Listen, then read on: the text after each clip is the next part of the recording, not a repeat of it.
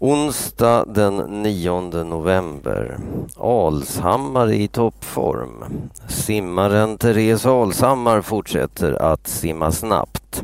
Therese vann på tisdagen 100 meter fjärilsim i en tävling i Kina.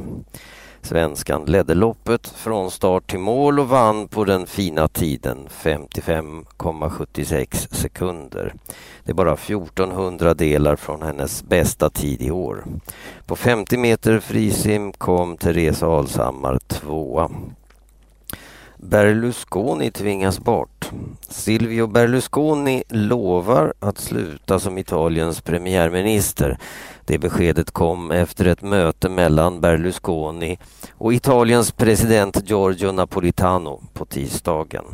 Vem som blir ny premiärminister och hur Italiens nya regering kommer att se ut är inte klart än. Troligen blir det ett nytt val i Italien i februari nästa år.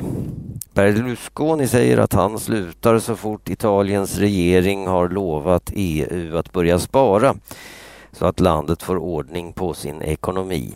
Italiens ekonomi är i allvarlig kris. Många experter är oroliga för att Italien inte ska klara av att betala. Italien har världens tredje största statsskuld. Nu klarar landet knappt av att betala räntorna på de stora lånen. Italien kan snart behöva hjälp med nödlån från Världsbanken, precis som Grekland har fått. Nyheten om att Berlusconi ska sluta fick aktiebörserna på många håll i världen att stiga. FN-experter är oroliga för iranska kärnvapen. FN-gruppen IAEA är experter på kärnkraft och kärnvapen. Gruppens experter åker världen runt och kontrollerar att länderna följer de regler som finns för kärnkraft och kärnvapen. Nu säger IAEAs experter att de är väldigt oroliga. De tror att Iran har försökt att i hemlighet tillverka kärnvapen. I värsta fall kan det vara så att Iran fortfarande håller på med det, skriver experterna i en ny rapport.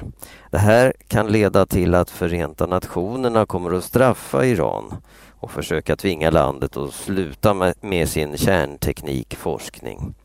Många är oroliga för att Israel ska anfalla Iran och bomba fabriker som kan tillverka kärnvapen. Kvinna lurade till sig fem miljoner i bidrag. En kvinna i Västerås har fuskat till sig mer än fem miljoner kronor från Försäkringskassan. Kvinnan sa att hon var svårt sjuk och varken kunde klä sig själv eller laga mat. Hon fick därför pengar av Försäkringskassan och anställde sin man som personlig assistent. Men kvinnan var inte sjuk. Hon arbetade hela tiden på en restaurang och tjänade pengar. Nu är kvinnan och hennes man misstänkta för bedrägeri. Minst 3500 döda i Syrien.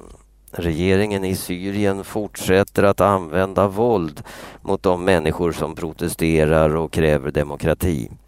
Den 2 november lovade landets ledare Bashar al-Assad Arabförbundet att våldet skulle sluta. Det var en lögn. Sedan dess har 60 demonstranter dödats. Det säger Navi Pillay som är taleskvinna för Förenta Nationerna. Protesterna mot regeringen och presidenten började i våras. Sedan dess har minst 3500 människor dödats av poliser och militärer. Minst 100 döda efter regn i Vietnam. Det har regnat ovanligt mycket i landet Vietnam i Asien.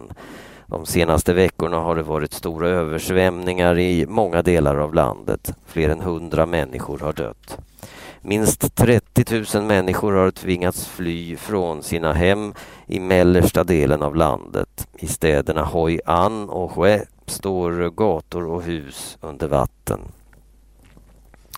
Minst snö på över 100 år. Det har varit ovanligt lite snö i Sverige hittills i november. Aldrig sedan vi började mäta snödjupet år 1905 har det varit så lite snö. Det säger SVTs väderexpert Per Stenborg. Det är bara längst uppe i nordvästra Lappland som det finns ett litet och tunt lager snö på marken. Många gripna efter gängbråk i Köpenhamn. Fler än 60 personer har gripits i Köpenhamn i Danmark efter ett stort bråk. Bråket satte igång utanför en rättslokal i staden. Vid den eh, lokalen hölls det för tre år sedan en eh, rättegång om ett mord. Mordet satte igång ett blodigt krig mellan mc-gänget Hells Angels och ett kriminellt invandrargäng. Unga shoppare struntar i miljön. Unga människor pratar ofta om att det är viktigt att skydda miljön och handla klimatsmart. Men i verkligheten gör många ungdomar precis tvärtom. Det visar en ny undersökning som Konsumentverket har gjort. När ungdomar handlar kläder och skor struntar de helt i miljön. Två av tre unga tänker sällan eller aldrig på miljön när de köper kläder. De tänker bara på pris och kvalitet. Kläderna ska hålla bra och vara billiga. Tusen unga mellan 15 och 17 år var med i den här undersökningen. Bara omkring 10 procent av de som svarade på frågorna tänkte på miljön när de handlade kläder och skor.